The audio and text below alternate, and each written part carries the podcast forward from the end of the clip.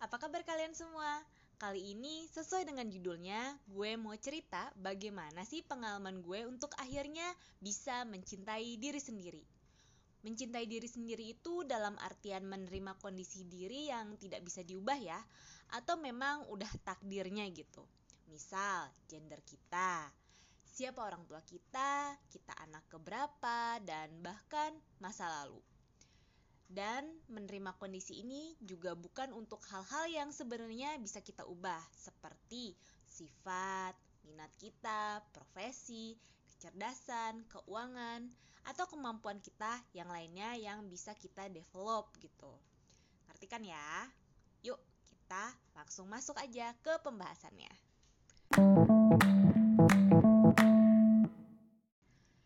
Nggak bisa dipungkiri sih gue tuh cuman manusia biasa yang kadang bisa sirik juga gitu sama rumput tetangga alias rumput temen kali gitu ya. Bisa juga gue tuh sirik karena gue ngerasa nggak adil juga gitu perlakuan antara gue dan uh, mungkin ke kerabat gue atau ke temen gue gitu. Dan percaya nggak? Dulu ya pas gue kecil ya kira-kira pas SD gitu ya gue tuh sempet loh mempertanyakan pada diri gue sendiri atau kepada pencipta gitu ya. Kenapa sih gue harus terlahir sebagai seorang cewek? Kenapa gue nggak jadi anak cowok aja gitu? Aneh banget gak sih? Tapi ini semua tuh gara-gara gue kan anaknya tomboy nih. Gue tuh nggak terlalu suka sama hal-hal yang berbau girly gitu lah suka sih dulu mungkin ya pas kecil kecil banget mungkin TK atau balita. Gue main masak-masakan main boneka gitu tapi beranjak gue gede itu gue udah gak terlalu demen main boneka sama main masak-masakan bahkan gue tuh udah mulai gak demen pakai rok gue lebih nyaman pakai celana ke mana-mana dan satu-satunya rok gue adalah seragam sekolah gue aja Kenapa? Karena menurut gue rok itu ribet. Apalagi beranjak ke SMP dan SMA, itu kan jenis roknya tuh ganti tuh jadi ke span. Dan itu tuh bisa membuat ruang gerak lo jadi lebih terbatas gitu kebanding dari uh, pakai rok SD yang bentuknya rimple dan menurut gue itu kayak nggak nyaman banget.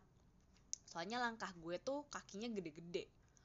Belum lagi gue harus berjibaku dengan ya teman-teman cowok yang suka ngintip. Rok cewek kalau dulu tuh kayak itu banyolannya mainannya ya kayak gitu gitu cowok-cowok. Walau bilangnya bercanda tapi kan alasan itu tetap aja nggak bikin gue nyaman untuk pakai rok gitu. Dan malah jadi was-was karena males gitu kayak dapet bercandaan yang berbau pelecehan gitu. Belum lagi ada pandangan kalau cewek tomboy itu kayak lu tuh bukan cewek sesungguhnya gitu. Karena lu uh, tidak menyukai atau tidak berdandan uh, ber yang dengan gaya girly gitu. Sebenarnya sih dari keluarga gue sendiri itu nggak ada larangan sama sekali buat gue sebagai cewek apakah gue mau bergaya tomboy atau girly gitu atau bersifat agak lebih suka hal yang hal-hal yang berbau cowok atau cewek karena kalau misalnya gue dilarang-larang udah pasti gue nggak bisa masuk jurusan teknik sipil lah ya gue tuh sangat-sangat dibebasin untuk bertindak, berpikir, dan bercita-cita sesuai dengan keinginan gue selama masih dalam lingkup norma-norma agama dan kebaikan-kebaikan sosial.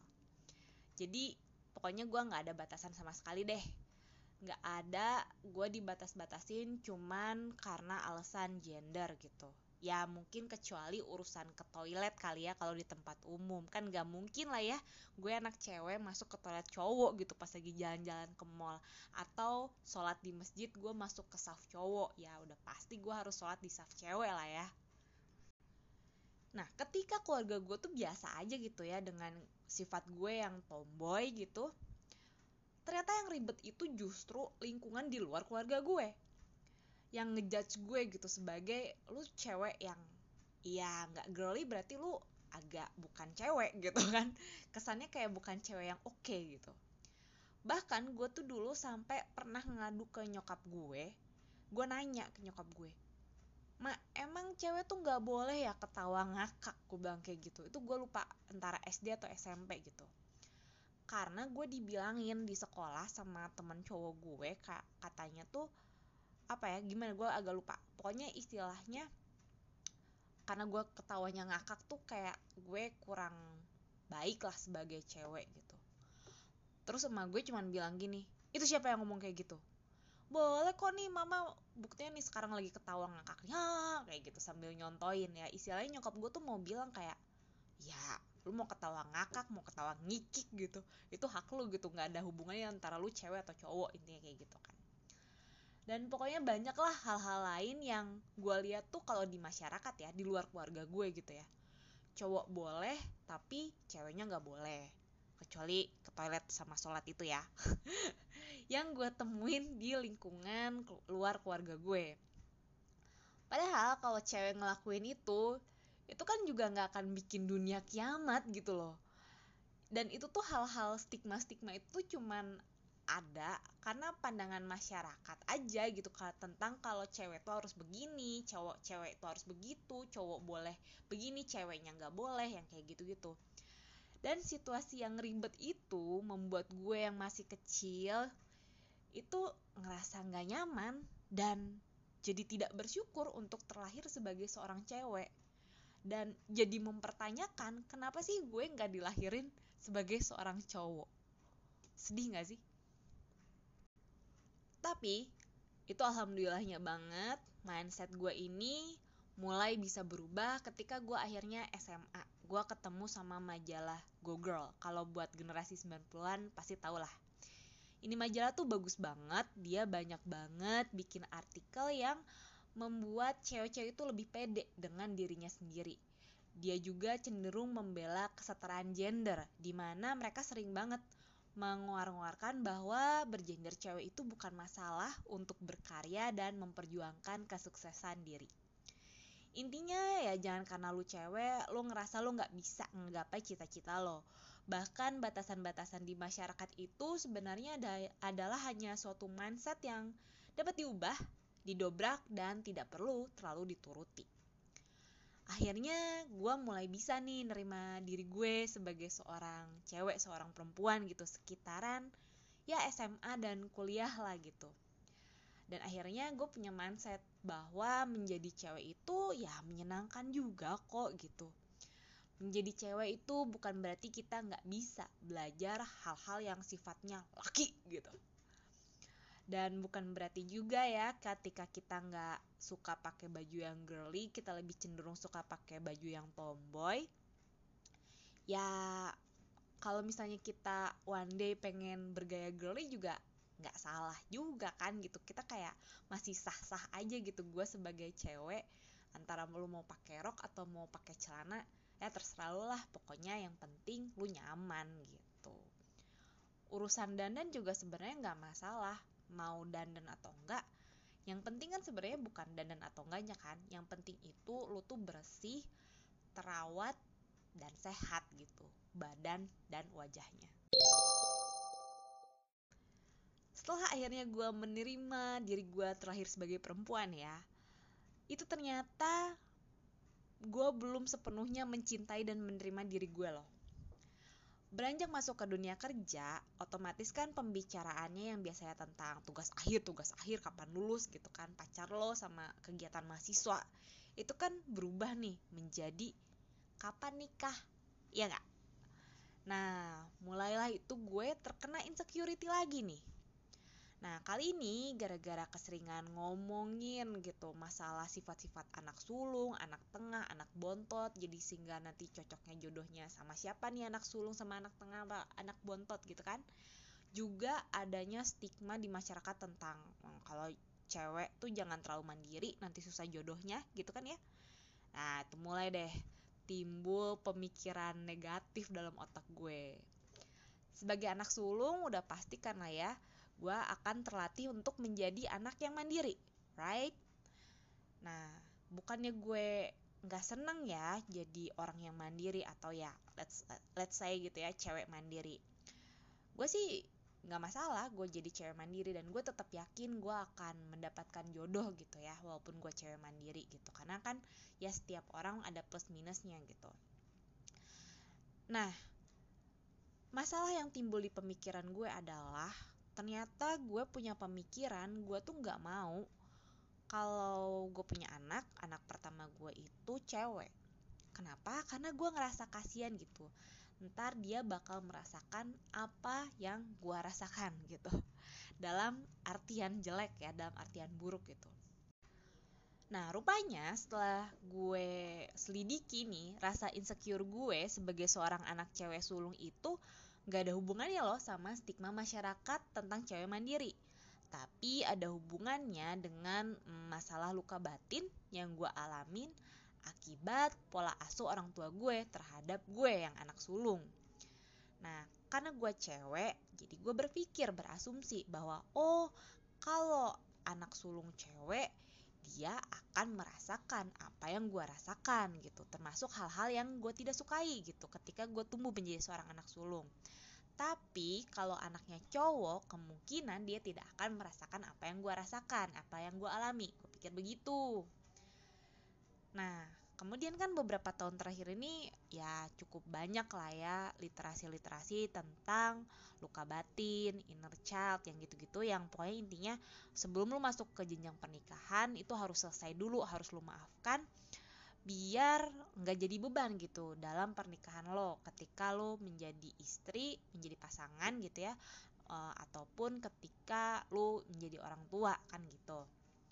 Ya udah, gue cari tahu nih gitu luka batin gue apa sih di masa lalu inner child gue apa sih gitu dan ya udah alhamdulillah gue ya belajar tuh untuk memaafkan masa lalu gue gue juga belajar memahami dan memaafkan pola asuh orang tua gue yang tidak sempurna tentunya karena mereka manusia biasa. Dan uh, ya apa pun lah itulah pokoknya yang berhubungan dengan si perluka batinan gue gitu. Adalah kali gue dua tahun terakhir tuh belajar tentang memaafkan masa lalu. Sampai akhirnya nih kemarin gue meet up sama salah satu sobat gue yang udah punya anak anaknya sih batita gitu. Terus kita ngobrol-ngobrol panjang lebar kali tinggi. Dan tiba-tiba masuk ke suatu topik tentang eh lo kalau punya anak pertama lo maunya gendernya apa sih? gitu. Percaya atau enggak gue waktu itu ngomongnya apa coba? Gue dengan tanpa beban gue ngomong kayak gini ah, gue nggak masalah sih anak gue mau cewek atau cowok yang penting sehat dengan ringannya gitu. Dan gue tuh abis ngomong itu gue tertegun. Hah? Ke mana ya pikiran gue yang dulu? Yang gue menyatakan gue tuh nggak mau anak pertama gue cewek. Itu ke mana? Kok nggak ada? Gue malah bener-bener gue kayak los aja gitu. Gue kayak nggak terlalu memikirkan anak gue jenis kelaminnya nanti yang pertama mau cewek atau cowok. Nggak masalah gitu yang penting sehat. Nah karena kecetus omongan kayak gitu ya gue akhirnya sadar gitu gue sadar baru sadar kalau ternyata di titik saat ini itu ternyata gue udah apa ya menerima kehidupan gue sebagai seorang anak sulung cewek itu not that bad lah gitu. Dan artinya kalau anak pertama gue cewek gitu dan dia mengalami asam garam manisnya kehidupan anak sulung cewek itu tuh nggak buruk gitu. Itu tuh ya oke oke aja dan akhirnya gue berani mengambil kesimpulan bahwa gue tuh udah masuk ke fase mencintai dan menerima diri gue sendiri di tingkat yang lebih baik lagi. So, jadi kalau gue melihat lagi ke belakang, ternyata gue tuh butuh waktu sekitar 20 tahun untuk gue bener-bener merasa nyaman menjadi diri gue sendiri. Ya kan? Karena insecurity pertama gue adalah ketika gue SD. Di mana akhirnya sekarang itu gue tuh udah tidak terlalu memikirkan lagi stigma-stigma patriarki yang berseliweran di dunia sana. Gue juga tidak lagi memikirkan stigma tentang anak cewek sulung stigma tentang cewek mandiri atau kayak gitu-gitu. Kenapa? Karena gue berusaha untuk bertumbuh menjadi orang yang lebih baik lagi dengan banyak mencari dan menerima literasi-literasi positif.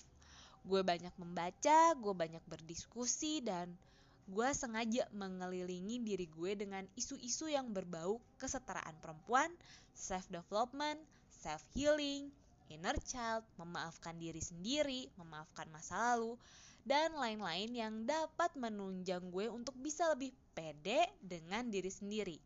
Dan akhirnya menerima diri gue apa adanya termasuk dengan masa lalu gue. Dan kalau gue tidak terima masa lalu gue, udah pasti gue gak bisa ngeluarin episode kali ini nih buat kalian.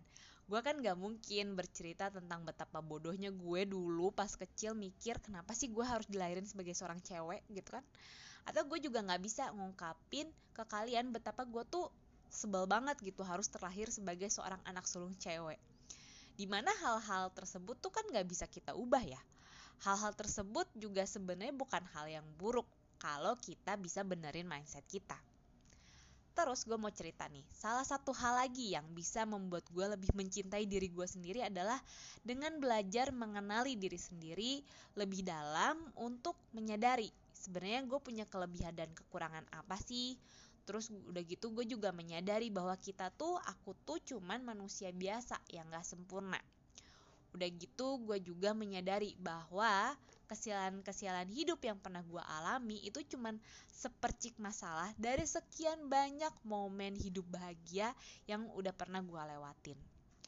Dan gue juga belajar untuk tidak perlu terlalu memperdulikan perkataan orang yang lain orang lain gitu ya yang sering kali cuman lewat doang. Dan berkat itu semua gue bisa di titik ini di titik gimana gue udah mencintai dan menerima diri gue apa adanya. Dan itu membuat gue hidupnya lebih menyenangkan.